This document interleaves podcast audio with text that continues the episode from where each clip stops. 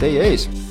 ja me oleme jõudnud äh, vägagi soliidse numbrini. Äh, järgmises saates jõuame veel soliidsema numbrini, aga üheksakümmend üheksa on ka väga kaunis. ehk siis äh, suur juubel vaikselt läheneb. aga see nädala pärast, sel nädalal on meil arutada paljut, sellepärast et sel nädalal on taliturniir või siis eelmisel nädalal juba taliturniir käima läinud, viimase nädala jooksul loomulikult meeskonnad täiendavad ennast. Äh, Eestis veel peatreenereid lahti ei lasta ja uusi ei palgata, aga välismaal küll, nii et äh, välismaast vast jõuame ka saate lõpus natukene rääkida. igatahes vaatame, milline see saade meil täpselt tuleb, kindel on see, et räägime seekord nagu ikka jalgpallist. ja sellest jalgpallist täna stuudios rääkimas Kristjan Jaak Kangur, Rasmus Voolaid. tervist. ja Ott Järvela. tere, tere.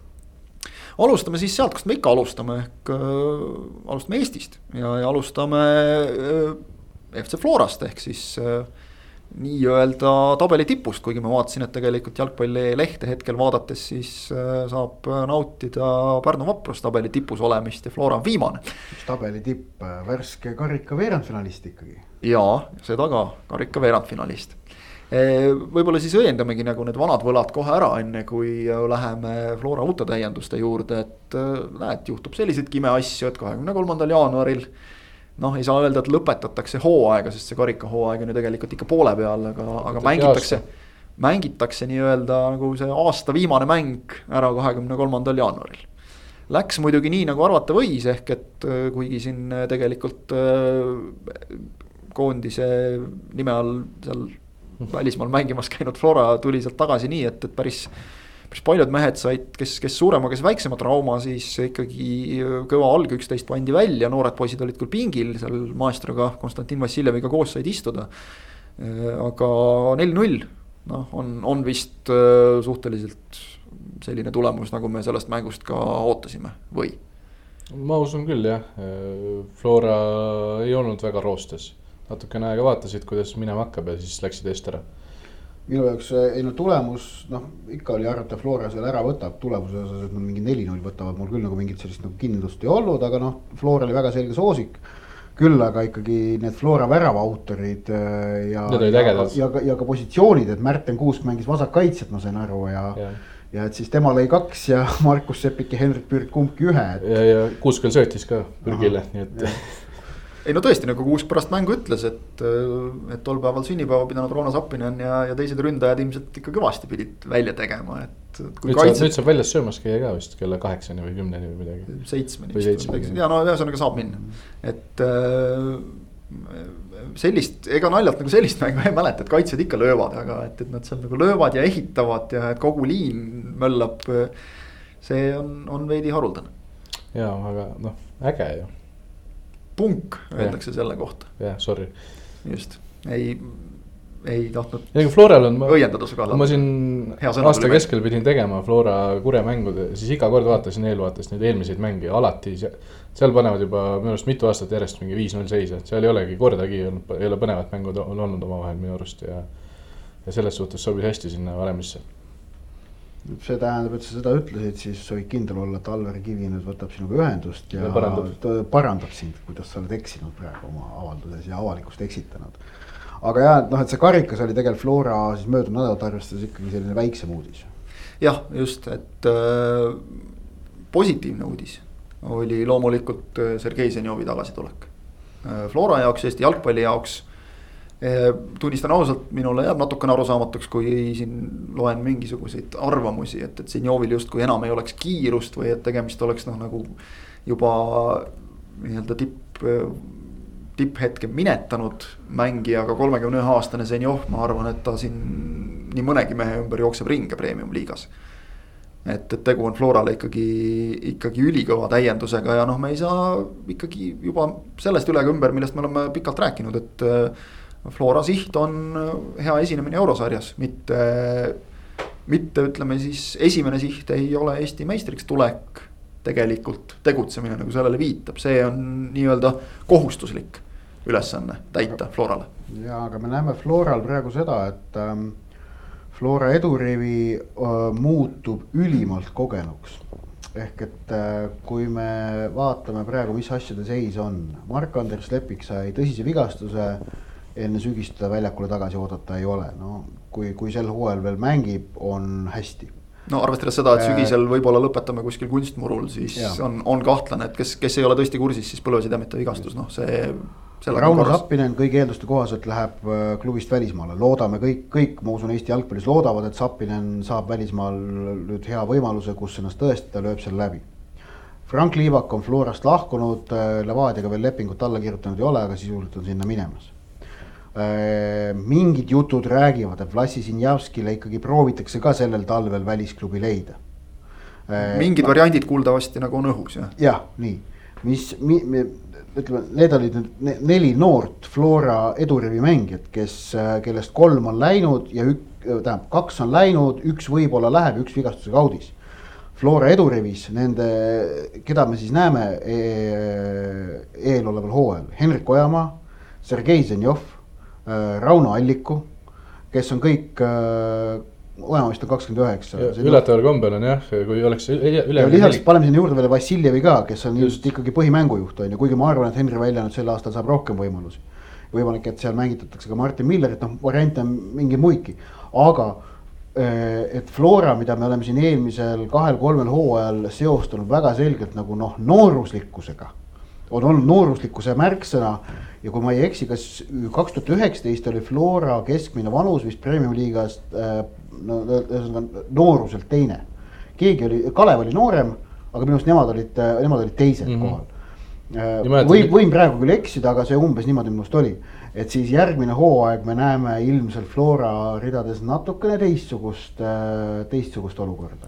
see on päris üllatav jah, kui panna selline nii-öelda ideaalne ülemine nelik ehk siis vasakule äärele Ojamaa, praeguses seisus ideaalne, paremale siis läheks Alliku, siis kümne peale oleks Kostja ja tipus oleks Senjov.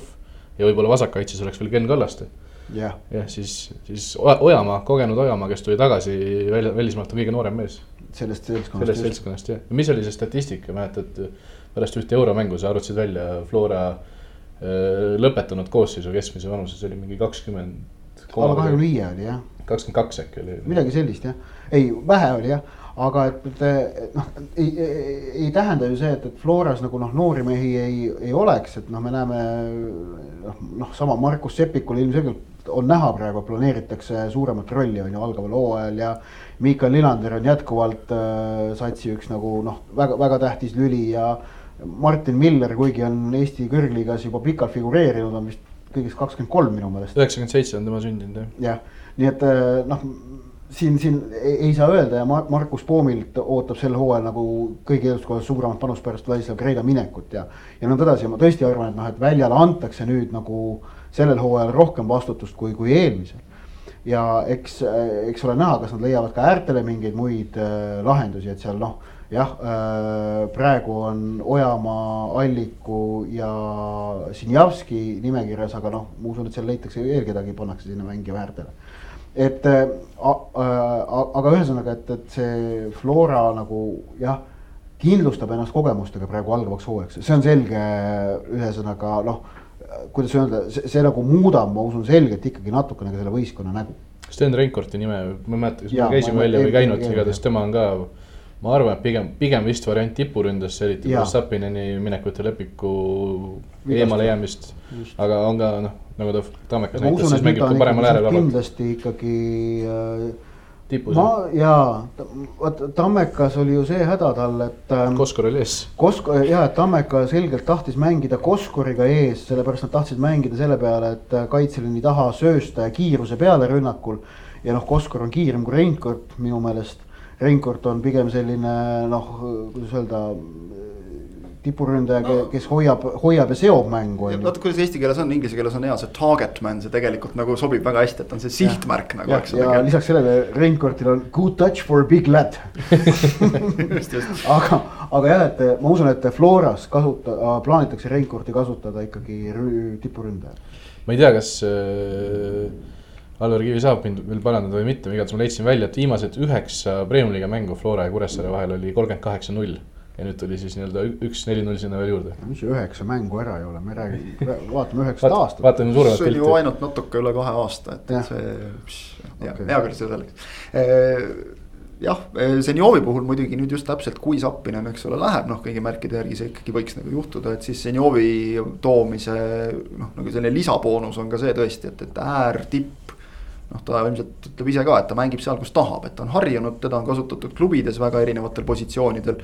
koondises kasutatud nii äärel kui tipus, nii et, et selles mõttes Florale nagu noh, isegi ütleks topelttäiendus. ja, ja ma, et arvestades siis seda, et, et noh, Poom Soomets, Miller äh, on need keskpoolkaitsjad, kellega Flora siin ilmselt, kas ma unustasin kellegi ära, nagu ikka kombeks on no ju vist, aga. ei, ei tegelikult vist mitte selles. järgmine mees juba seal ongi Rocco Robertson. just, me just, me just arutasime, et, et ega tegelikult nagu liiga palju mehi sellel positsioonil ja, ei ole järsku. eks ole näha, kas, kas võib juhtuda, et Florat me näeme mängimas sellist rohkem neli-neli-kahte sel hooajal et, et nende poolkaitsjatega oleks, no eriti just Soometsa suurt nagu seda tööraadiust silmas pidades oleks see ju põhimõtteliselt miks mitte võimalik. samuti arvestades seda, et, et näiteks Ojamaa ja ka Alliku, aga, aga Ojamaa ei ole ju niivõrd ründav äär, nagu on Sinjavski.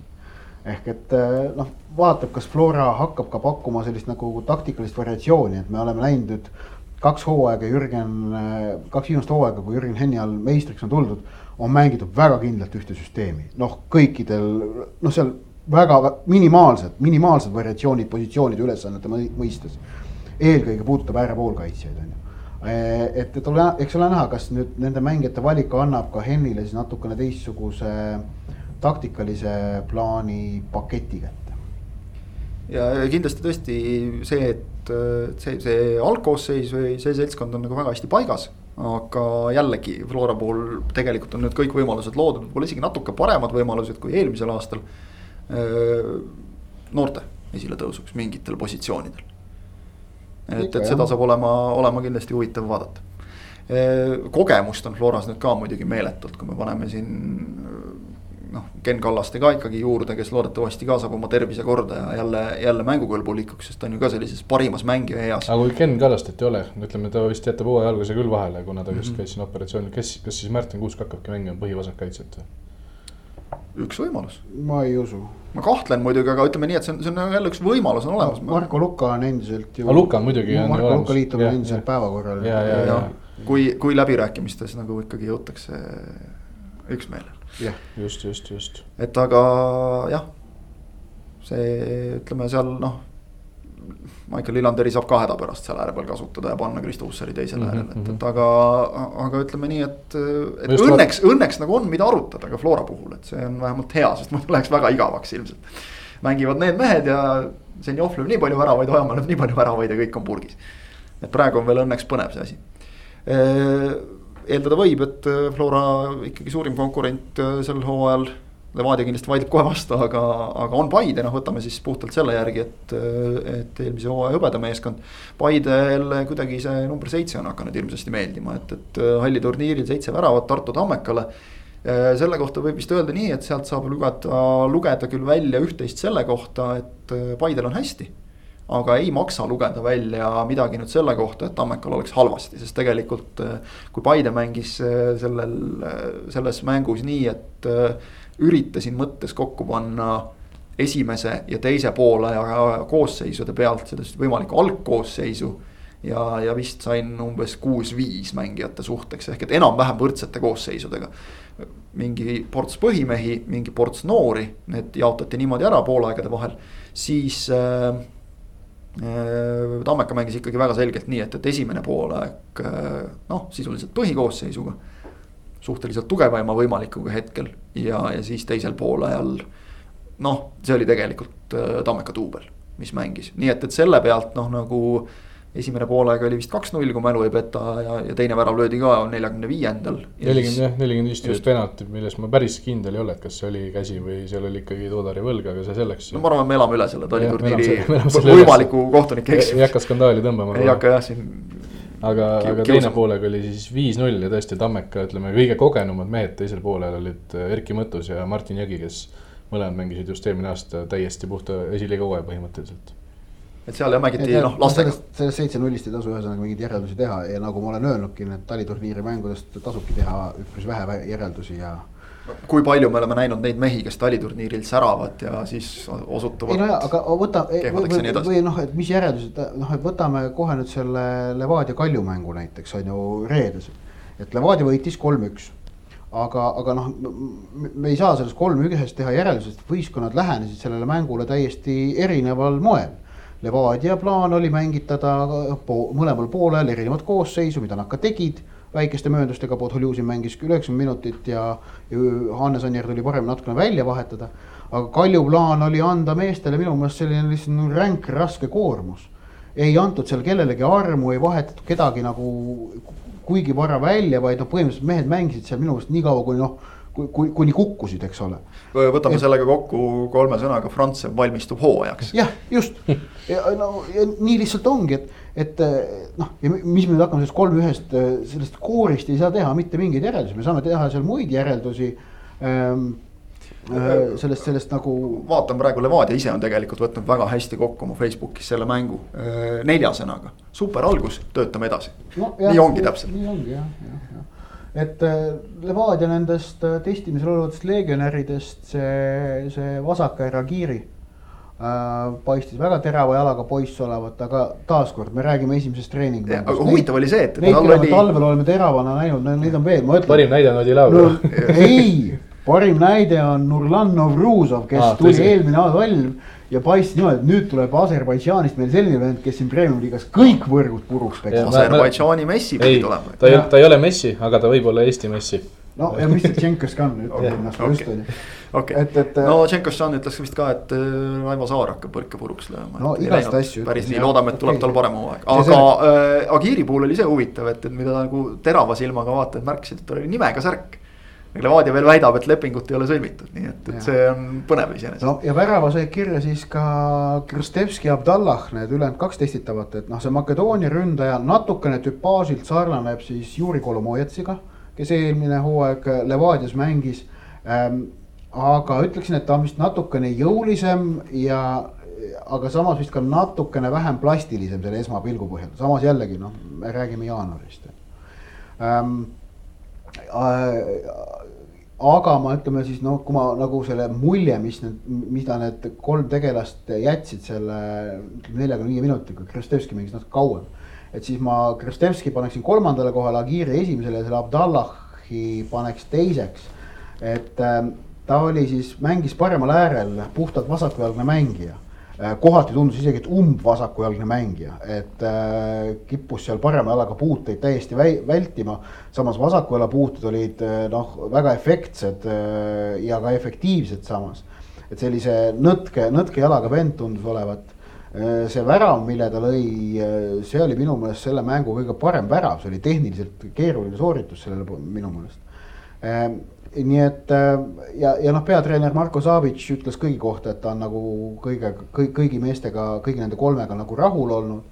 et, äh, et äh, eks näis, eks näis. ärme unustame Levadia puhul seda ära, et, et see on nüüd tegelikult ju esimene kord, kui Savic peatreenerina saab teha oma käe järgi sättida asju mm. -hmm. siin on tegelikult ka väga palju nagu küsitud, et, et kes siis ikkagi on see peatreener, jälle, jälle on see küsimus üles tulnud, kuigi me oleme vist minu meelest siin juba rääkimata artiklitest siin, siin podcast'is ka rääkinud, ma ei tea, mitu korda, aga noh, sisuliselt on Savits ikkagi seal on vist natukene. ametlikult mõlemad, aga siis. ametlikult mõlemad, siis. mõlemad on protokollis kirjas peatreener no, et no ega siin näiteks Lars ütleme. Lagerback ja Tommy Söderberg. ja, ja ütleme, see hakkab, hakkab nagu Eestis ka muutuma tavalisemaks, kolmas näide vist on nüüd. Tammeka proovis, eks ole, nüüd ja nüüd äh, uuel aastal minu teada peaks Tallinna Kalev minema niimoodi mm, -hmm. et mhm. neil on kaks treenerit. et ei ole noh, nagu isegi, et ei hakka, et meil on kaks peatreenerit või see on rohkem peatreener kui teine, vaid. Neil on kaks treenerit, kes meeskonda juhendavad. Transi tegel..., Transi kohta võib sama öelda vist eelmise aasta Transi kohta. jah, just, just, et seal oli ju ka täpselt, et see noh olude sunnil, kes sai, see tegi parajasti, eks ole, ja nad töötasid tandemina, et, et see tegelikult. arvestades, kui palju nagu tänapäeva jalgpall noh, isegi nagu premium-liiga tasemel nagu nõuab peatreenerilt aega ja kõike. et siis eriti kui olude sunnil veel töötatakse ka noortetreeneritena või, või tehakse nagu veel midagi servapidi muud tööd klubis kõrvalt, siis.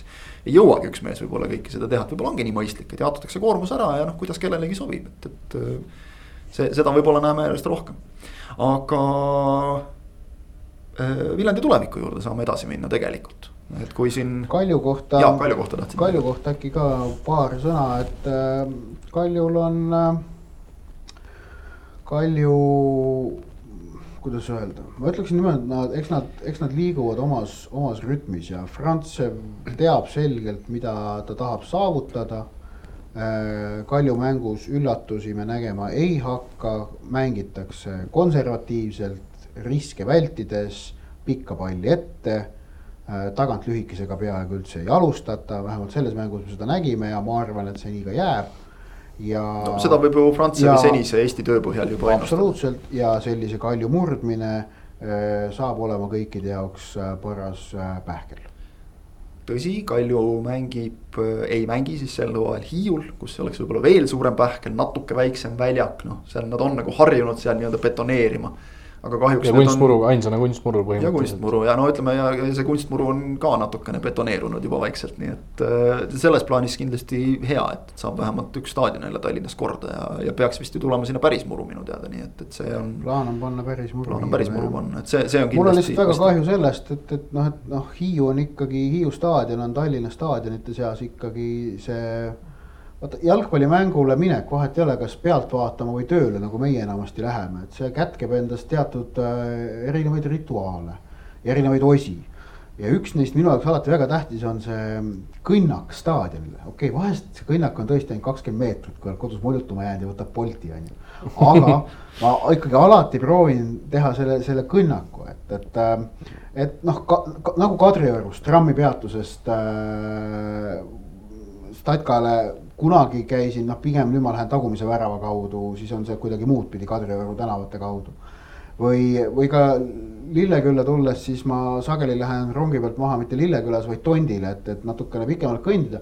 see, see kõndimine staadionile aitab nagu mõtted mängule seada ja fookust koondada. ja nagu..., ja minu, ja ma tahan jõuda välja sinna, et minu nagu vaieldatud lemmik staadioni kõnnak, mida ma nagu nii aastaid nimetan, Eesti, Tallinnas on kindlasti Hiiu staadion. et noh, see on äh, ebaloogiline, et meil on kõrgliiga staadion sellises kohas keset aedlinna mm. metsa ääres, pargis tegelikult on ju. ja, ja see on äge ja kahju, et seal sel aastal ei mängita, aga noh, see on, see on ülimalt tähtis, et Nõmme Kalju jääks Hiiu staadionile pikas plaanis, see on, see on Eesti kõrgliigale väga rikku, väga suur rikkus rikastav jah, lähenemise protsess võib nimetada seda siis nii-öelda, lähenemine staadionile, see on jah olen sinuga nõus, et, et sinna on tõesti kuidagi alati hea minna ja, ja seal on hea olla, see on kuidagi no, natukene mida, mida erilisem. loodus ongi tore ju. loodus on palju ägedam kui lihtsalt betooni vahel linnas olla kuskil. loodus, loodus on tore. kui Viljandis lähed sealt nendest treppidest alla linnastaadioni poole, hiilgav no see, et sa vaatad järve, samal ajal sa võid mängu, vaatad mängu. no jah, ei, ei mäng jah, okei okay., ma mõtlen just, et see, see kõndimise osa. ei, see saan aru. No, ja, ja ta, Tammele ma viimane aasta käisin nüüd mitmel korral, võtsin selle Bolti tõuksi ja kulgesin seal niimoodi mööda Tartu tänavaid, et see tundus väga selline mõnus olevat. kes sõidab tõuksiga? oli praegu Kristjan Kanguri. ei olnud, ma tahtsin sulle mõista anda, et ära rähkle seal toolis ah, nii palju okay,, okay, okay. kuulajatel on ebamugav aga lähme. oota, oota, kas me Pavel Marinist rääkisime üldse või Nõmme Kalju? jaa, muidugi Pavel Marin ka, et. tema pealt on hea Viljandile ka üle minna pärast. just, et enne kui lähme Viljandile üle, lähme korraks tõesti siis jutuga Pavel Marini juurde, et Pavel Marin Nõmme Kaljus. no vist veel ametlik. ametlik ei ole, aga noh, oleme ausad nagu. paistab kõik sinnapoole viitavad. anti nagu mõista, et, et veel nagu pressiteatega ei lehvitata, aga noh. kõik ju viitab sellele, et mees mängis seal, et selles mängus ka Kalju särgis, et. Äh, nelikümmend viis minutit tegi jah. jah, et, et. Äh, Kalju jaoks hea, äh, hea, hea täiendus, Kaljul on noh, mängijaid vaja, koosseis peab olema natukene rohkem kui kolmteist, neliteist meest on ju ja. Maarin kindlasti oleks nende jaoks hea täiendus, minu jaoks küll natuke üllatav, et Maarin Kaljusse lõpuks jõuab, aga kui see kõigile osapooltele sobib, siis väga hea. jah, no oleme ausad, Levadiast ta ju Viljandisse läks ja läks eesmärgiga ka just, äh, ega ta seda ei varjanud, et, äh, et mängida ennast jälle pildile nii-öelda ka Tallinna tippklubide jaoks. siin on ka need kõige klassikalisemad asjad, et noh, pereelu kõik, eks ole, mis sind ikkagi pealinna võib-olla toob jälle ja, ja kõik muu, et. et, et see on, on, on meeldiv nagu näha, et, et see võib olla nagu märgilise tähendusega. et seda on nüüd ütleme, paljud on suutnud Narvas näiteks, noh. Tuleb Joosep Saliste esimesena pähe kasvõi, eks ole, kes, kes mängis ennast nii-öelda seal pildile, sest ta sai seal mängida. ja siis sõlmis lepingu Paidega. ja nüüd on nagu ma arvan, et päris rahul sellega, kuidas viimastel aastatel on läinud. aga noh, Marinil ega, ega tal nüüd nagu väga palju ju valikuid ei olnud, et Paides on noh, pigem nagu need äärtekohad täis. noh, Florasse ütleme ka, seal ka pigem on nagu no Florasse mahuks põhimõtteliselt no,. põhimõtteliselt kui, mahuks jah, aga. kui Lassi Sinjovski ka ära läheb, siis. no siis jah, just, aga noh, ta tahtis ilmselt praegu juba, eks ole, kindlat lepingut ja. ja tõenäoliselt ta tahab ka mänguaega. ja mänguaega täpselt, rohkem, et, et noh. see on liiga mõttes ka ikka tore, et mõni koondislane läheb mujale ka. ja just täpselt, see, see on väga värskendav kindlasti, et meil kõik ei lähe ainult ainult Florasse kogu aeg, sest et muidu ei oleks nagu väga midagi vaadata ja noh, ma usun, Pavel Marini kohta võib praegu öelda küll selgelt koondislane, ta sai ju vist igas aknas sai kutse ikkagi sügisel. ja, ja ta noh, ta sai ikkagi väljakule ka, et ta ju. sai Häberli käest kutse, see on nagu tähtis, mis loeb praegu. mitte see, kes, kes sai sügisel kutse. just aga lähmegi siis tõesti Marini juurest edasi või tagasi Viljandi tuleviku juurde, kelle kõige värskem uudis tuli nüüd mõned tunnid enne meie saate salvestamist esmaspäeval ehk Daniel Tuhkanen. kes mängis eelmisel hooajal Kuressaares, nüüd siis noh, ametlikult siirdus Florast Viljandisse. ütleme nii, et üks hea näide on ees Nikita Komissarovi näol. et, et kui nad nüüd kahekesi seal tegema hakkavad, ütleme, kui Tuhkanen teeb sellise hooaja nagu tegi Komissarov hooaja lõikes ikkagi nagu mängu arengukõver läks selgelt ülespoole Komissarovil, siis on saanud tulevik endale ühe väärt täienduse juurde. Nende käe, käekäik just on ju väga-väga sarnane, Florast Kure kaudu Viljandisse mõlemad. just. Ja tõesti, selles mõttes ja vene poisid ka, et siis ootaks, ootaks küll positsioon on ka sarnane, nii et ootaks, ootaks samasugust hüpet jah, omavahel tuttavad ka, nii et, et äh, võiks, võiks nagu see. sulandumine. sulandumine ja sisseelamine jah, hästi minna. Tuhkanil kindlasti on see potentsiaal ju olemas teha üsnagi sarnane äh, areng kui Nikita Komissarjevil, tal, tal on sisu, ta on seda ikkagi aastate jooksul näidanud nii Flora U kahekümne ühes kui ka põgusalt äh, Kuressaares. Ja, ja võib-olla tõesti ongi nagu hea näide ka sellest just, et noh et, et jalgpallurina areneda, eriti sellises vanuses, sa pead mängima ja selleks on, on mõistlik äh, mitte pressida ennast tingimata ka võib-olla Tallinna tippklubidesse, vaid, vaid ikkagi noh, võtta, võtta see valik, et, et mängida kuskil. ja kui sa mees oled, küll sa siis sinna tippklubidesse ka jälle jõuad.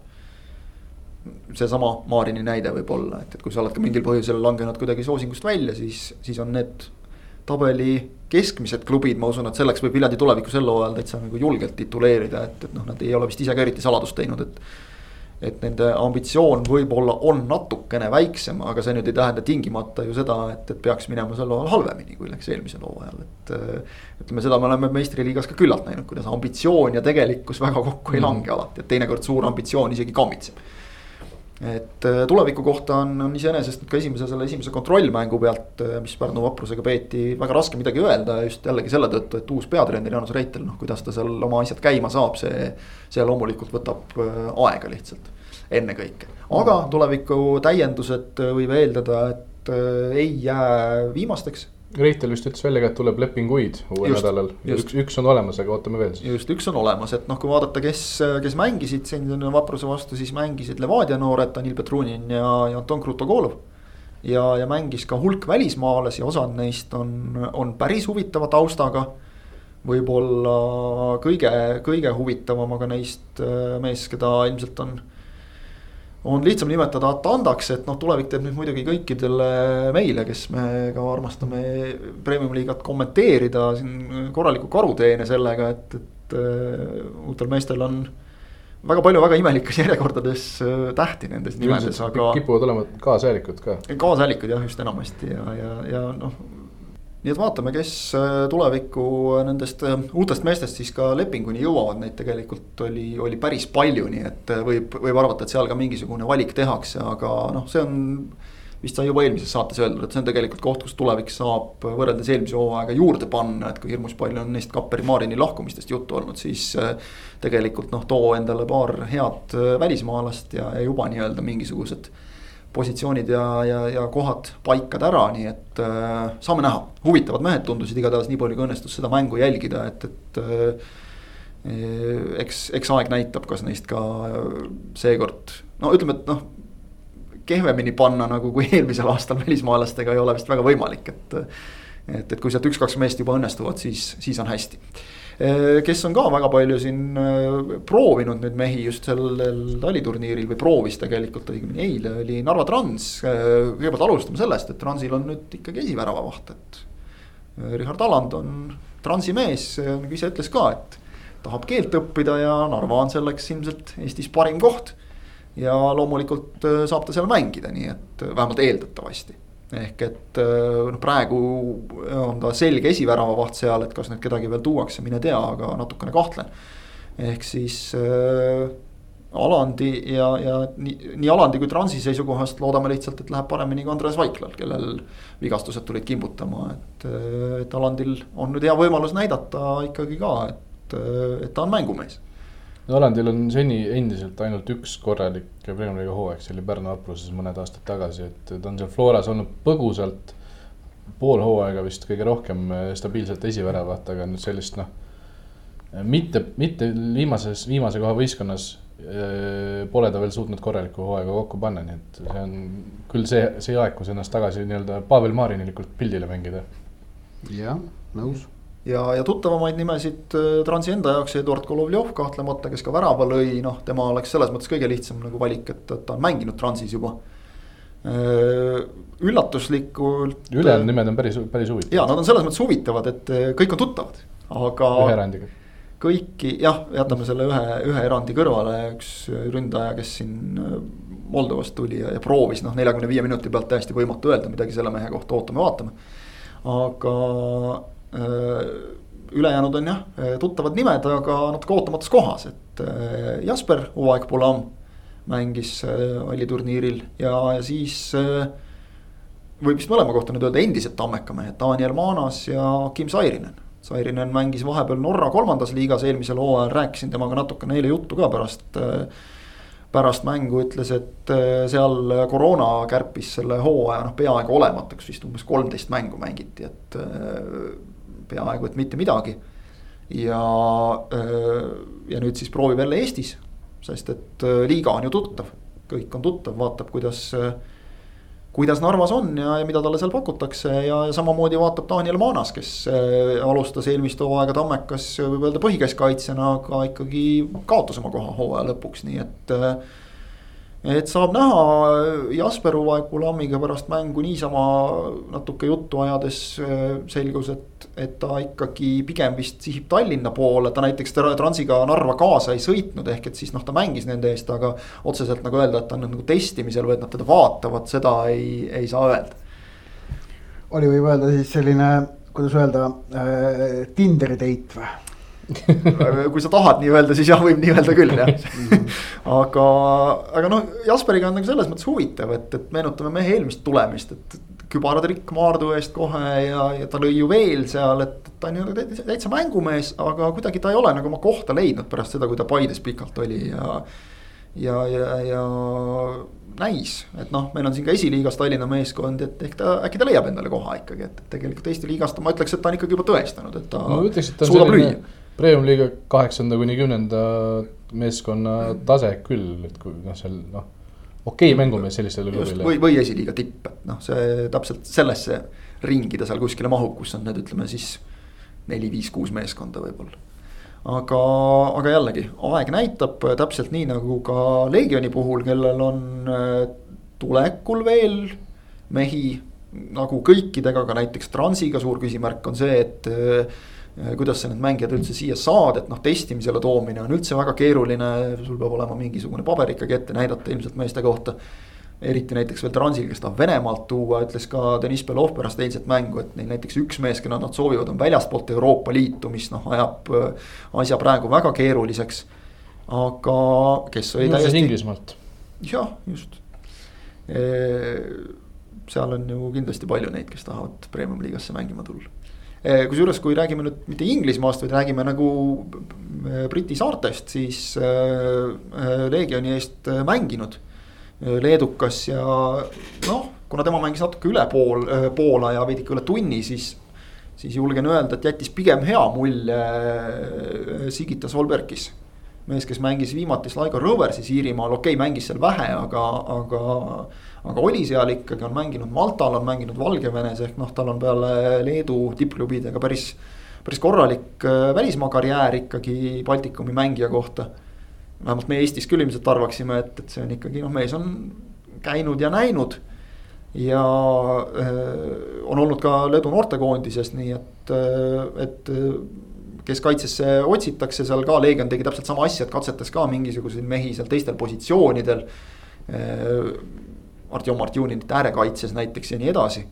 ja, ja kes oli veel täitsa olemas ja, ja kelle puhul ikkagi kõik asjad liiguvad nagu lepingu suunas, on veel eelmisel hooajal Transi ridadesse kuulunud Aleksei Matrossov ehk et äh, võib nagu tunduda, et Leegionil on hirmus palju väravavahte, aga, aga tegelikult ega nii hirmus palju ei olegi, et Pavel Londak on äh, vana meister.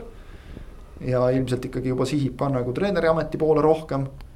Ja ja noh, äh, Matrossov ikkagi ütleme Eesti ükskõik millisesse Eesti klubisse, kui ta nüüd ei kõnni nagu sisse nii-öelda esinumbri kohale, siis teiseks numbriks kohe päris kindlasti mm. -hmm. ja, ja kannab nagu esinumbri koha välja, ütleme nii. kas Levadiasse läheks kindlaks teiseks numbriks? noh no, hetkel mitte. hetkel mitte, Kaljusse ka mitte. aga. ta on komplekteeritud on ju, aga põhimõtteliselt taseme mõttes. nõus, nõus, nõus. taseme poolest muidugi, et äh, noh, eks see ole loogiline ka, et, et Leegionil on vaja nagu, nad ei saa loota, et Londak neid samamoodi välja tassiks nagu eelmine hooaeg, et see lihtsalt muutub ebainimlikuks kergelt ja, ja on vaja sellist tasemel äh, kindlat äh, vahetusmeest ja no eelmisel hooajal Levitsi ja Orehov seda ei pakkunud, seda, seda taset, et, et Matrossov pakub et Leegion, näha on, et Deniss Belov ikkagi noh, kui seda tugevdab, proovib satsi igalt poolt natukene tugevdada.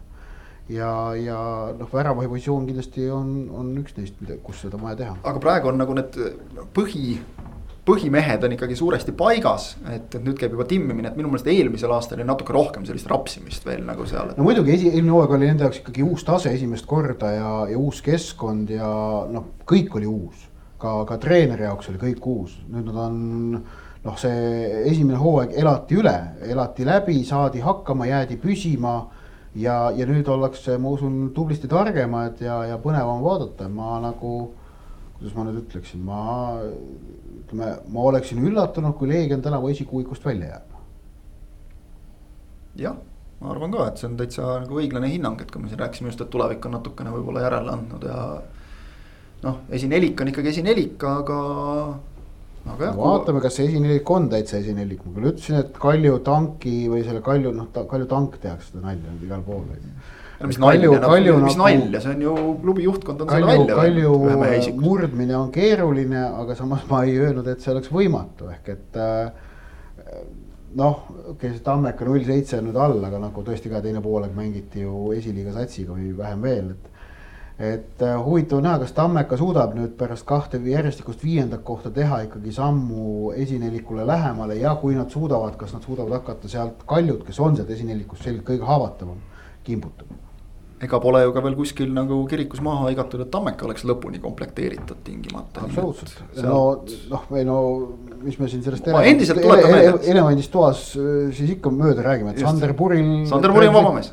Sander Puril praegu siis juba uut klubi ei ole samuti ei ole kuskilt teada, et ta oleks karjääri lõpetanud ja. ja tema sünnilinn on Tartu just, noh. täitsa juhuslikult. nii, me oleme vist enam-vähem teinud ringi peale Eesti klubidel, eks siin ilmselt nüüd taliturniiril iga nädalaga tuleb neid uudiseid juurde, sest et tuleb jälle uusi testitavaid ja, ja saab jälle mõistatada, et mis nimi see protokollis on ja nii edasi. kes, kust, mida, miks nii et äh, kindlasti me jõuame neid tiire teha siin, äh, siin peale veel äh, Premium-liiga klubidele enne hooaja algust tükki mitu. see kõige ägedam näide selle kohta ongi see Leedu poiss, kellel protokollis oligi lihtsalt sigitas no,. lihtsalt üks mees sigitas. no hea teada, aga noh, lõpuks ikka sigitati see perekonnanimi ka välja kuskilt, et et äh, ega siin, siin on ka sellised mängud, tuleb öelda, et noh, ütleme nii mõnigi klubi on pidanud natukene oma äh, siis testitavate või noh, meeste, kes on juba Eestis, aga kellega veel ei ole lepingut sõlmitud. Neid nimesid natukene nagu varjul ka hoidma, sest äh, teised luuravad ka ju, et, et ega siin ei ole nii, et, et noh, võtan ja, ja ongi, et on, on premium-liigast ka varasemast näiteid, kus on nii-öelda nagu ära näpatud kellegi eest mõni mees, et kui mõni klubi on jäänud liiga kauaks mõtlema, et, et kas pakkuda lepingut või mitte.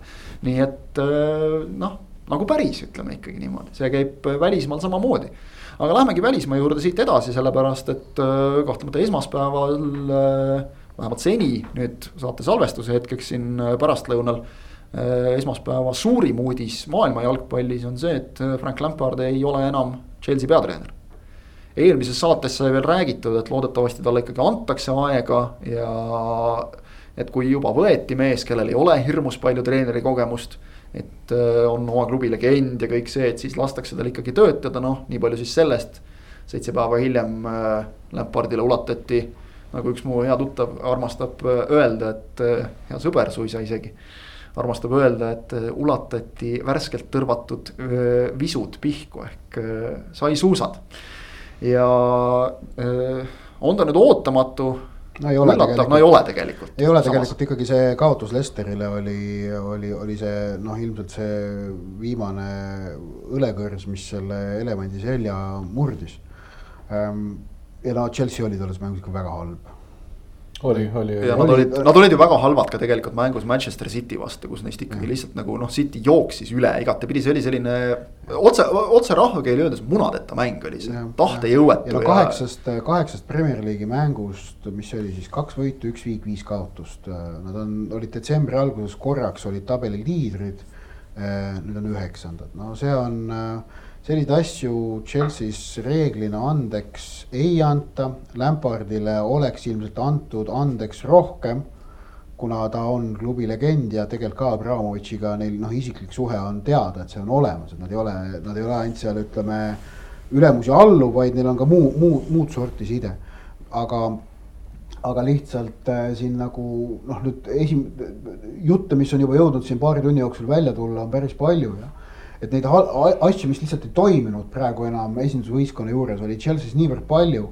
et, et seal ei peetud võimalikuks muud varianti kui peatreeneri vahetus ja et, et, et võistkonna üldine moraal oli, oli langenud äh,. Lampard ei suutnud äh, seda noh, tervikut enam enda peos hoida äh,. ja üks põhjus, miks siis Toomas Tuhhel tema asendajaks tuuakse, on see, et, et klubil nähes, kuidas Werner ja Kai Havertz suvel suure raha eest toodud Saksamaa koondislased ei saa kohanetud, et nad tahavad tuua saksakeelse peatreeneri. et äh, see nende kaks uut siis noh, väga kallist investeeringut äh, paremini võistkonda sisse sulataks ja et eelmisel hooajal ja tegelikult arvestades seda, et Lampard ei saanud äh, meeskonda üldse täiendada, Chelsea'l oli üleminekute keeld peal, siis see saadud meistrite liiga koht oli noh, väga hea saavutus. absoluutselt ja, ja võib-olla võinuks nagu eeldada, et nüüd, kui ta sai siis mehi tuua, et nüüd antakse rohkem aega, aga teisest küljest vaatame seda. võib ju öelda, et äh, neljandal kohal olevast Liverpoolist ollakse praegu viie punktiga maas, noh pool hooaega on mängitud, et noh, see pole ju midagi, see on tagasitehtav. aga äh, teisel-kolmandal kohal olevast Manchester Cityst ja, ja Leicesterist ollakse maas juba üheksa punktiga. et tegelikult noh, ütleme siin mõni voor veel, nii et Chelsea kaotab, teised võidavad ja sul jääb püüda ainult seda ühte kohta mm. -hmm. ainult seda neljandat kohta, kõik alla selle, noh, tegelikult Chelsea jaoks ikkagi meistrite liigasse mitte jõudmine, see läheb juba eba, ebaõnnestumisena kirja. ehk et eriti, kui sa oled teinud selliseid investeeringuid. ehk et, äh, et selle nurga alt jah, ei saa nagu olla väga üllatunud, et ole sa legend või mitte, aga vanad teened ikkagi treeneri ametis lihtsalt ei maksa, ükskõik kui kaalukad need vanad treenerid on, teened on mängijana, juhendajana, enam ei maksa. jah, ja väga palju ikkagi sõltub ka sellest äh, klubist, kus sa töötad ja, ja klubid on erinevad, et, et mulle tuleb ikka, mul tuleb see, tuli täna jälle meelde see, kui ma mõned aastad tagasi Õhtulehes töötades käisime Inglismaal kolleeg Villeriga ühte, ühte jalkaprojekti tegemas ja Londoni Chelsea staadioni ümber sellel mängupäeval ringi konnates, siis seal paarsada meetrit Stanford Bridge'ist mingi vanamees seal oma koduaiast äh, vaatas, me seal mingi kaameraga tuiame ja küsis, et mis teete siin, et noh, kes te olete no niimoodi heas mõttes noh, sõbralikult. rääkisime ära, siis ütles oo Eestist ja ei, kuulge, ma käisin teil seal seitsmekümne üheksandal aastal olümpiaregatil äh, sõitmas, et äh, et äh, mitte siis, et ta käiski aasta enne olümpiaregatti nagu sellel ettevalmistaval võistlusel oli käinud võistlemas ja mul on mul on väga halvad mälestused Tallinnas, et mu paat läks ümber ja pidin katkestama ja olümpiale ka ei saanud ja nii edasi. aga oli ja siis tuli välja, et oli selline noh, vanamees, mis ta oli, mingi kuuskümmend viis, seitsekümmend vast, ütleks vanuseks pakuks midagi sellist ja. teatas ise uhkelt, tema on juudi vanamees, et tituleeris juudi vanameheks ja siis põhimõtteliselt äh, rääkisime siis temaga Chelsea'st ja, ja siis ta ütles, siis küsin ka seda, et Chelsea'l on väga tihti komme üks peatreenerit vahetada, et kuidas sul. Ei, mul on sellest jumalast savi ja vaata peatreenerid, nad on nagu no,, ma ei mäleta, mis sõna ta ütles, et noh, et kui nagu enam ei tööta, siis tulebki uus ja värske võtta, et seal ei ole mitte midagi imelikku. ja Chelsea filosoofia ongi selline, Chelsea vahetabki niimoodi peatreenereid ja, ja Toomas Tuhhel vist oli tulnud kahe poole aastase lepinguga, noh, kui ta selle aasta, kui ta selle aja lõpuni vastu peab, see on saavutus kindlasti eriti meenutades seda, kuidas Tuhhelil läks eelmises klubis, eks ole, juhtkonnaga suhtlemisel, et noh. selles mõttes. ta läks just..., ta läks nii Borussias kui BSG-s lõpuks juhtkonnaga tülli, tõsi, BSG-s ta pidas vastu kaua. no seal kääris tükk aega, aga, aga, aga ta läks ennekõike tülli mitte nagu omanike, vaid. Äh, nojah, ta, ta, ta, ta öeldaksegi, et Tuhheli probleem on see suhtlemine ülespoole, et, et äh, mängijate ja võistkonnaga saab ta nagu hakkama, aga ülespoole seal ta kipub. aga noh. see teda hoidis jah, aga noh, kahe näha on, et peatreeneri tööd võivadki teatud klubides ongi sellised teadlikult lühiajalised, Chelsea on üks nendest klubidest. jah, seal jah, mingit väga sellist äh, kolme või viie aasta plaani nagu ei, ei tunnistata vist eriti, et, et seal on vaja tulemust nüüd ja kohe ja, ja nii ongi ja. noh, on, on juba arutletud, et Julian Nagelsmann võiks äkki olla sealt juba siis Tuhhelist järgmine peatreener, mis on ka selline noh, see, see ütleb päris palju nagu klubi kohta, et, et kui. tegelikult nagu ei, ei ole veel ametisse saanud isegi see järgmine peatreener, juba räägitakse ülejärgmisest.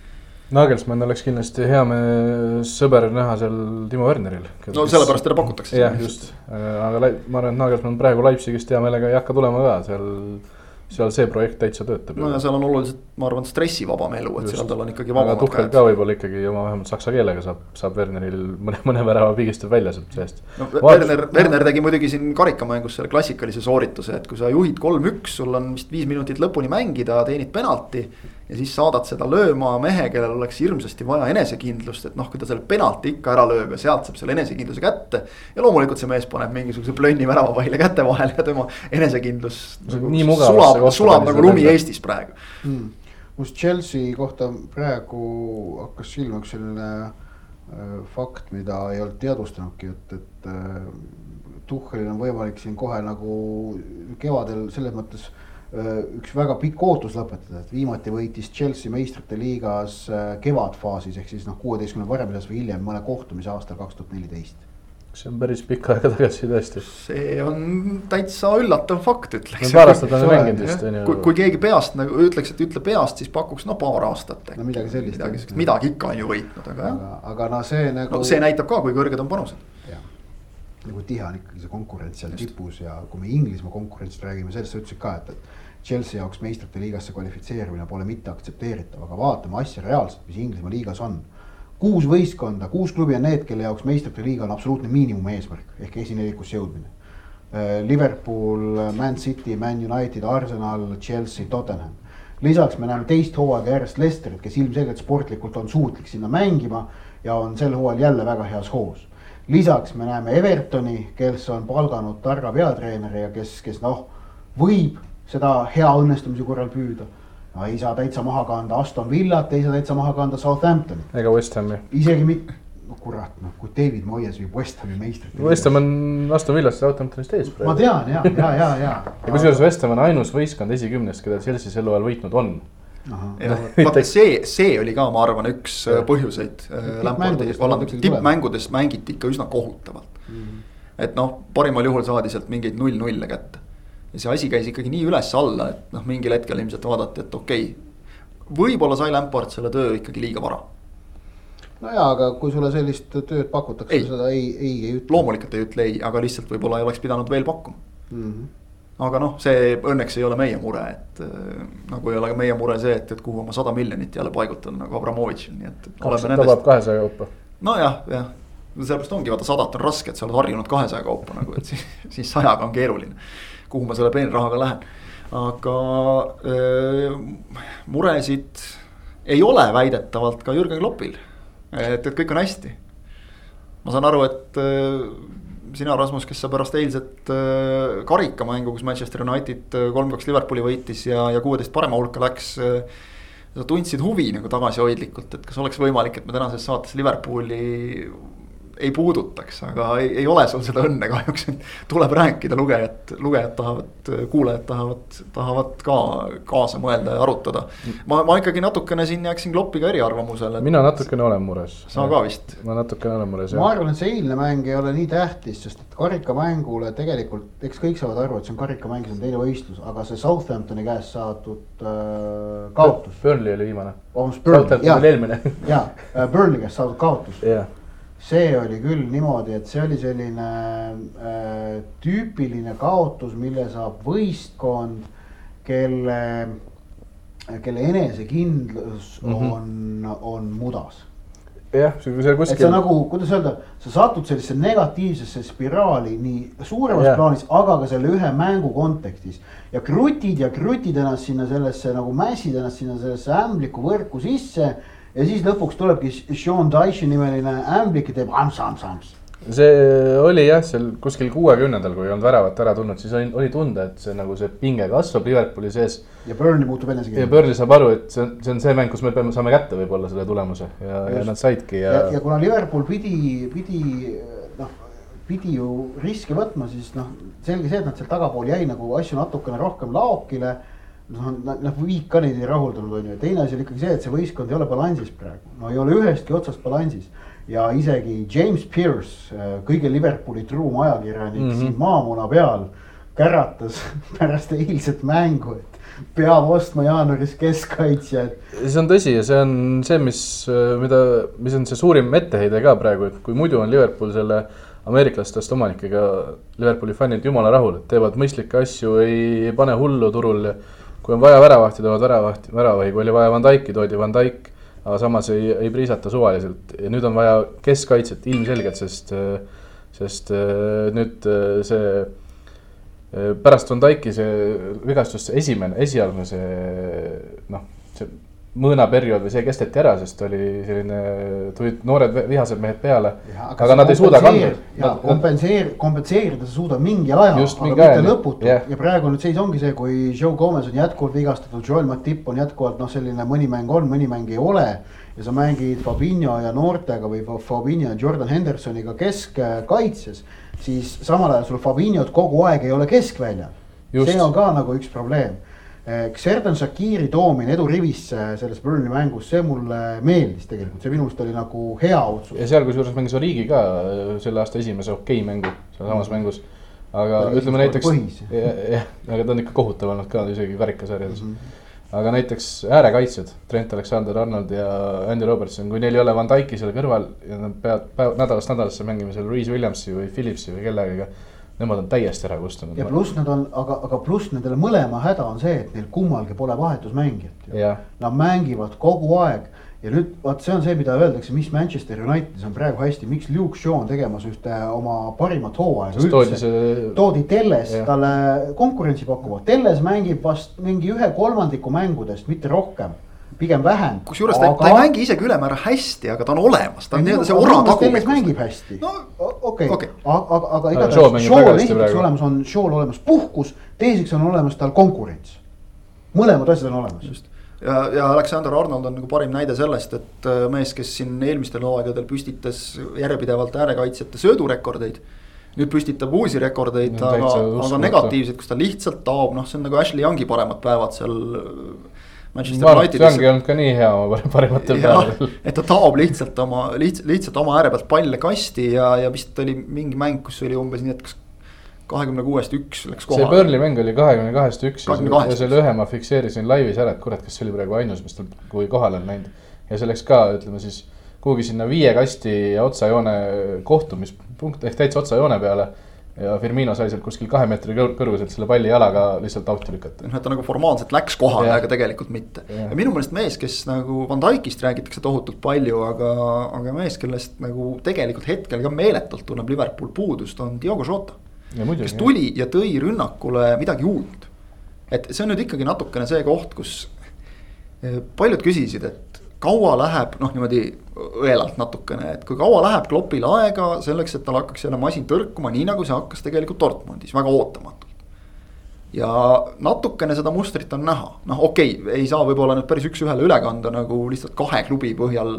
et, et nüüd on jälle nii ja, ja Klopp lastakse varsti lahti, seda nüüd vaevalt niipea juhtub. ta ei ole isegi mures ju. no just, aga, aga et et ikkagi nagu mingi, mingid rehad tunduvad olevat natukene samad, mille otsa ta jälle jookseb, et, et. Eh, kui siin neid omanikke võib nagu siunata, et nad ei ole toonud. aga mulle tundub, et nagu Klopp ise ei ole ka väga surunud, et, et tuua, et ta on nagu leidnud, et see, mis on meil, see on piisavalt hea ja me läheme sellega. ja siis mingil hetkel on need mehed kõik peaaegu et ühe korraga täiesti läbi, just isegi mitte võib-olla füüsiliselt, vaid vaimselt, eriti sel hooajal praegu, kus noh tuleb erinevaid äh, sarju kogu aeg mängida, pidevalt on sul Liverpooli sugusel meeskonnal ikkagi kaks mängu nädalas. Mulle tundub, et vaimselt on mehed läbi. ma arvan, et Klopp on surunud ja see, et Klopp üldse sellise kommentaari tegi avalikkuse ees, et äh, tahtsin, aga ei anta see on juba nagu märgiline. ka see on üsna ainulaadne tegelikult jah, et ta ei ole nagu nuritsenud. ta ei ole selline mees, ta just mõned nädalad varem ütles, et äh, meie omanikud on ülimõistlikud mehed, ei ela üle oma võimete ja, ja Liverpoolis minu ajal ei hakka sellist asja, mingi paani-, paanitse, paanikaoste ja siukseid asju ei hakka tulema paar nädalat hiljem tegi sellise kommentaari, et see on nagu märgiline. ja sama, muidugi ma olen nõus, et äh, Jota on puudu ja temast on, temast on puudu, aga ma arvan, et see, et ründekolmik on nagu korraga läbi omadega, see kõik nagu algab sealt ikkagi sellest Van Dyke'i asjast, Van Dyke'i kaudu äärekaitsjad siis keskväli ja siis ründekolmik, et seal noh, kõik käib niisugune nagu igal pool antakse natukene järgi ja siis akumuleerub. ja, ja mõnes mõttes, mõnes mõttes on see ju loogiline, sest et kui sa nagu saad selle, mida sa oled tohutult kaua jahtinud, ehk selle Inglismaa meistritiitli kätte, et see, et väike pingelangus tuleb, see on ju mõistetav tegelikult. ja ei, see on sellega nõus, aga ma nüüd ainult Van Dyke'ile ma seda ka ikkagi ei taandaks, vaid ma ikkagi äh, tooks ikkagi välja ka asjaolu, et äh, et liiga palju on loodetud ühele kindlale koosseisule, teatud positsioonidel liiga palju, noh, liiga vähe on olnud variatsiooni. kasvõi samad äärekaitse positsioonid, mis on Kloppi jaoks ju no ülimalt tähtsad Kloppi skeemis ja ei ole vahetusmehi olnud seal. no et James Milner sul seal vahest mängib, noh, see ei ole vahetusmees, et sul on, sul on vaja sinna äärekaitsjate positsioonidele veel nagu noh, mingit, mingit muud vaheldust, et.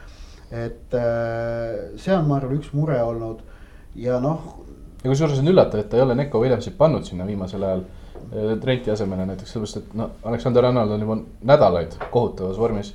aga see on ka üks selline klopi asi näiteks, kui Salah tegi oma esimese hulluhooaja, siis teist hooaega ta alustas kahvatult, aga ta ei võtnud teda pingile, mulle tundub, et ta nagu tahab, et mängijad sellest mõõnast saaksid jagu platsil õnnestumiste kaudu ja et tal on nagu et mängijal oleks treeneri toetus olemas. mängiks nagu ennast jälle edukaks, et jah ja, see, see on väga selgelt osadel treeneritel see põhimõte, et, et noh mängi edasi, küll hakkab tulema.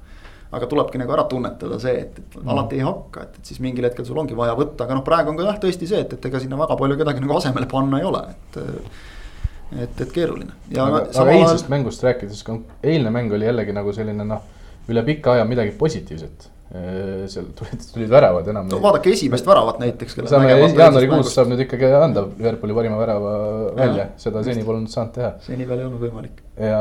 aga samas seitsmest mängust üks võit ja, ja see üks võit tuli ju sisuliselt noh, Aston Villa mingi U kakskümmend kolm meeskonna üle. ja see, ja see oli halb mäng, poolega oli üks-üks. jah, just seda ka veel, neli-üks küll võideti, aga see. U kakskümmend kolm on ka ikkagi noh, see oli U kakskümmend heal juhul tegelikult see Aston Villa sats. jah, Aston Villa laste. formaalselt U kakskümmend kolm jah. et öö, on, on mõtteainet, ütleme niimoodi ja, ja tõesti kipuvad seal noh, mitte veel eest ära nüüd minema, võib-olla kuus punkti vahet liidriga ei ole nagu mitte midagi tegelikult, aga. aga Manchester Unitedil asjad praegu jooksevad ja noh, ei saa üle ega ümber, Bruno Fernandes ja sellega on Manchester Unitedi suurim trump ka nimetatud aga, aga seal on muidugi nagu see ka, et meeskondlikult äh, asjad klapivad. ma kirjutasin loosi vist laupäeva hommikul oli sellest, et need mingi põhjused, miks nagu United on, on, on ennast üles hinnanud, et jah, seal saab panna näppe peale üksikutele mängijatele, et noh, Fernandes on suurepärane. Pogba on saadud äh, nüüd nagu, kuidas öelda, ülejäänud võistkonnaga samale lehele Cavani palkamine oli väga hea otsus, Telles on toonud konkurentsi, Dean Henderson on teinud sama asja David De Geaga. aga lõpukokkuvõttes taandub see kõik ikkagi jah, sellisele võistkondlikkusele. et, et Unitedis on, on, Sulcher on tekitanud sellise kuidas öelda, on suutnud tekitada sellise noh, üks asi on enesekindlus, teine asi ka selline heaolutunde ja samas on United vaba väga paljudest raamidest, no näiteks seda, et kui Liverpoolil on kindel süsteem, mille järgi nad mängivad ja mängivad alati seda siis Unitedil seda ei ole, neil on väga mitu nägu, kuidas see võistkond võib välja kujuneda. ja see oli nüüd äh, pühapäeval vist oli The Guardianis, Jonathan Wilson avaldas artikli, kus ta siis kirjeldaski. et äh, eriti praegusel hooajal, mis on väga tiheda graafikuga mängitav ja, ja selline noh, ettearvamatu ja äh, ootamatustest kubisev, sealhulgas ka noh, tavatu ettevalmistusperioodiga iga, igal moel nagu keeruline et siis see süsteemi puudumine, mis iseloomustab praegu tegelikult Unitedit ja selliste kindlate mudelite puudumine, vaid selline üpriski suhteline noh, kuidas öelda, hõljuvus selles mängusüsteemis on just see, mis Unitedile praegu ilmselt kasuks tuleb, on tema nagu väide. Ja toob välja seal veel ühe huvitava nüansi. et, et öeldakse, et noh, et noh, et meil on see, et Peep Guardiolal on kindel filosoofia, Jürgen Kloppil on kindel filosoofia Äh, ja, ja, ja noh, nõnda edasi, et, et, et Sir Alex Fergusonil ei olnud mitte mingit kindlat filosoofiat peale selle, et ta võitis. et ta, ta. see on päris nagu, hea filosoofia tegelikult. jah, aga, aga Ferguson äh, tegi oma võistkondi, lammutas oma võistkondi, ehitas oma võistkondi vastavalt sellele, mis oli vaja ja kuidas oli vaja, tal ei olnud mingeid oma kindlaid asju, milles, et alati peab nii olema, ei, tulemus pühendas abinõud. ja Zulcher tegelikult selles vallas tõepoolest matkib Fergusoni, mida vahepealsed peatreenerid, ei David Moyes, ei Louis van Gaal, ei Jose Murillo ei teinud. igaüks tuli kindla oma Just. kindla süsteemiga, David Nemad... Moyes tuli noh okei okay,, see, millega David Moyes tuli, see on keeruline aru saada, aga noh, ta tuli seal, no tuli Evertoni süsteemiga, ütleme siis niimoodi. Äh, Louis van Gaal tuli sellise tohutu palli valdamise filosoofiaga, kõik pidi põhinema sellele Jose Murillo tuli oma tavapärase madal kaitse ja, ja selle pealt ehitame filosoofia. hoiame üks-nulli. nojah, et, et aga vaata, Sulcheril ei ole sellist asja, ta suudab panna sul võistkonna väga erineval moel mängima ja see on praegusel hooajal eriti hea olnud. ja nüüd on huvitav näha, et kui, et okei okay,, no sel hooajal ma arvan, pigem United saab hea tulemuse, kas nad meistriks tulevad, pigem mitte. et City ikkagi, ma arvan, on see soosik on ju, aga ja Lesterit ei saa maha, maha, välja arvata. no Lesteri suur miinus on see, et Jamie Vardy käis puusaoperatsioonil, et äh, noh, ilma temata see meeskond on ikkagi ütleme, mitte päris tühi koht, sest James Madison näiteks on väga hästi mänginud, aga, aga noh, ma nimetaks kaks meest nagu äh, Vardy ja Wilfred Ndidi keskväljalt. Mm.. Et, et äh, noh, üks on ikkagi puudu nüüd ja ütleme, kui mingis mängus ka teine välja langeb, et noh, siis on natukene keeruline, ma, ma Lester meistrite liiga kohale ma peaks neid nagu vaata mõnega võrreldes siin üheks soosikuks, aga, aga tiitlile natuke kahtlen, City tundub pagana võimas, aga Man Cityl on puudu Kevin De Bruyne nüüd, vist oli kuus kuni kaheksa nädalat. ja Sergio Aguero nagu. või neli kuni kuus nädalat vist ja, ja, ja Aguero niikuinii. on koroonas. et, et aga, et ühesõnaga, et öö, sel hooajal United pigem saab hea tulemuse. Aga mind huvitab see, et kuna Unitedis üldiselt ma arvan, Sulcheril kui see hooaeg nüüd läheb hästi, siis tal on noh, jällegi mõnda aega nagu suht turvaline kõik. et see on huvitav vaadata, kas säärane lähenemine nüüd ka ütleme hooaegade lõikes mitme hooaja peale osutub edukaks. filosoofiliste peatreenerite vastu. filosoofia põhiste on ilmselt hea sõna. sageli kõik mängijad, kes hakkavad treeneriks, räägivad, kuidas nad võtavad äh, nii-öelda seda kogemust kõigilt treeneritelt, kelle käe nad ise on töötanud, siis mulle tundub, et Solskjaer võttis päris hea asja kaasa Fergusoni käe alt no oli ka, mida võtta nagu. oli, mida võtta jah. just nagu Ott õigesti kirjeldas, et, et, et Fergusonil oligi see, et, et ta noh, kohati jäi nagu mulje, et nagu meelega nagu lõhkus ära selle, mille ta oli ehitanud, et hakata uuesti ehitama. sest nii on ju elu huvitav. Roger Federer vist kunagi ütles, et oli nii hea, et ta hakkas mängima mitte enda mängu, vaid vastaste vastu mängima niimoodi, nagu nad taht-, tahaksid, et ta mängiks nii-öelda mm. vastastele mugavalt, ikka võitis, ikka võitis. jah, aga otsid ise ju põnevust mm -hmm. oma elus, eks ole ma ei tea, me peame vist nagu lootma nüüd, kui hästi kiirelt korraks põigata ka muudesse liigadesse peale Inglismaa, et, et. Hansi Flick ka leiab nagu, et jube igav on, et prooviks midagi uut, sest et. Ja, ja siis soovitavalt, et see uus nagu algul ei töötaks, sest et praegu kisub ikka väga sinnapoole, et kuigi nagu Bayerni fännid ise nurisevad, et päris ei ole mäng see, mis ta võiks olla, siis Äh, fakt on see. tabeliseis on see, mis võiks olla. tabeliseis on täpselt see, mis ta võiks olla, et, et kui sa oled nagu äh, seitse punkti teisest kohast ja kümme punkti kolmandast kohast, noh. Äh, hea, nüüd tuleb kahjuks öelda, ekskolleeg Ivar Lepik kirjutas Bayerni viimase tiitli puhul väga hea loo sellest kummuli lükatud kaheksast, et kas ta nüüd jääbki nagu seda mm -hmm. nii-öelda seda igavikku tähistama, et noh kas ta nüüd igavikku tähistama jääb, seda vast mitte, aga kaheksast üheksa tundub küll ikkagi vägagi saavat, sest et siin teised kõik teevad kingitusi. Dortmundi mäng ei suju enam üldse. oli kindlasti kahe Borussia mäng, oli väga äge vaadata. oli tõesti äge vaadata. Hooaja ägedamaid mänge, ma usun. just, aga noh head, selles mõttes nagu Saksa jalgpall vähemalt pakub ägedaid mänge, et, et kui näiteks siin ka äh, tabeli teine Leipzig mängis äh, tabeli tagantpoolt teise Mainziga. ja, ja Mainzil oli enne seda üks võit kirjas ainult, no loomulikult Mainz võitis selle mängu. ehk et äh, Leipzig andis punkte ära Leverkusen on äh, uuel aastal täiesti iseenda hale vari võrreldes sellega, mis nad olid eelmisel aastal, kaotasid aasta, vana aasta viimases mängus Bayernile ja, ja polegi ennast üldse leidnud pärast seda. võitsid just äh, Dortmundi, aga noh, see vist tulenes rohkem sellest, et Dortmund on ka kehv. ja, ja ongi jälle selline tulemus, et, et äh, väga põnev andmine käib seal kohtadel teisest, noh, ütleme isegi seitsmendani, kus kus meeskonnad on kuue punkti sees äh, Leipzigist. ma ütleks isegi üheksani. Dortmundini, no isegi sealt edasi, aga ütleme Leipzigist Dortmundini, need on ikkagi nagu need meeskonnad, kes mängivad tavaliselt sinna kõrgete kohtade peal. Freiburg ja Stuttgart on seal need üheksas, kümnes, see on see ja. vahe, see on nagu Eesti suusataja on tavaliselt. just tema koha pealt tuleb vahe, siis praegu tuleb Stuttgarti pealt vahe. aga et muidu on nagu põnev, aga kui seda Bayernit ei oleks ja, ja Hispaanias ootamatult on Atletico see, et kes nagu rikub asja ära, aga, aga noh, siin äh, treenerite vallandamisest rääkides, siis äh, oli meil mitte väga ammu juttu sellest, et kui sa oled Madridi Reali peatreener, siis äh, vallandamine on kogu aeg niimoodi paari, kolme, nelja mängu kaugusel ja. piisas karikasarjas kolmanda liiga klubilt pähe saada, kui hakati kohe rääkima, et Zidani aeg on nüüd ikka lõplikult läbi. noh, siis tulid ka veidikene rahunenult signaalid, et, et ilmselt ikkagi hooaja lõpuni talle vähemalt antakse, aga kõlab juba naljakalt nagu, et meeskond on tabelis teisel kohal ja, ja meistrite liigas kõik nagu on ka ju suht okei okay ja, ja üldse, aga. aga ikkagi me räägime vallandamisest, aga noh, nii see juba Realis käib. ja, ja ilmselt tuleb sellega siis leppida, nii et. et äh, Hispaanias seisud sellised, Zidane seni veel jätkab liigamängus jällegi rehabiliteeriti ennast natuke, nii et äh, et vaatame, kuidas seal läheb, kuidas läheb Barcelonal Nemad, nemad ka tegelikult nagu on kogu aeg mingisuguses jubedas mõõnas, aga tegelikult tabeliseis nüüd nagu nii hull ka ei ole.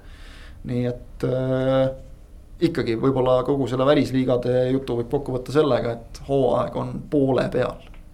alles. aga väga põnev. aga väga põnev ja loodame, et loodame ainult just, välja arvatud Saksamaa, loodame ainult, läheb nii edasi ka, aga noh, karta on, et lähebki igal pool mujal, välja arvatud Saksamaal sellised jutud täna äh, oli meie üheksakümne üheksas saade, mis tuleb sajandas saates äh,. seda saab näha, Järvel on siin juba tahtnud oma seda, mis sa tahtsid, kreemitorti või midagi sa nõudsid kunagi. sefiiritorti. sefiiritorti. sefiiritorti. üks väga asi, väga oluline asi jäi mainimata ju, Zlatan Ibrahimovitš on kiilakas. jah, AC Milani null kolm kaotus mõjus Zlatanile nii halvavalt, et. filmirikk ma pakun. nojah, või siis tahtis lihtsalt peatreenerile austust avaldada millegagi, et seal on samasugune fassong Piolil, aga see selleks, äh, Itaalias on ka põnev, Itaaliast äh, kõigest muust jõuame rääkida loodetavasti oma järgmistes äh, taskuhäälingu osades. selline sai meie saade täna. aitäh, Ott, aitäh, Rasmus. aitäh Olum. teile kuulamast ja järgmise korrani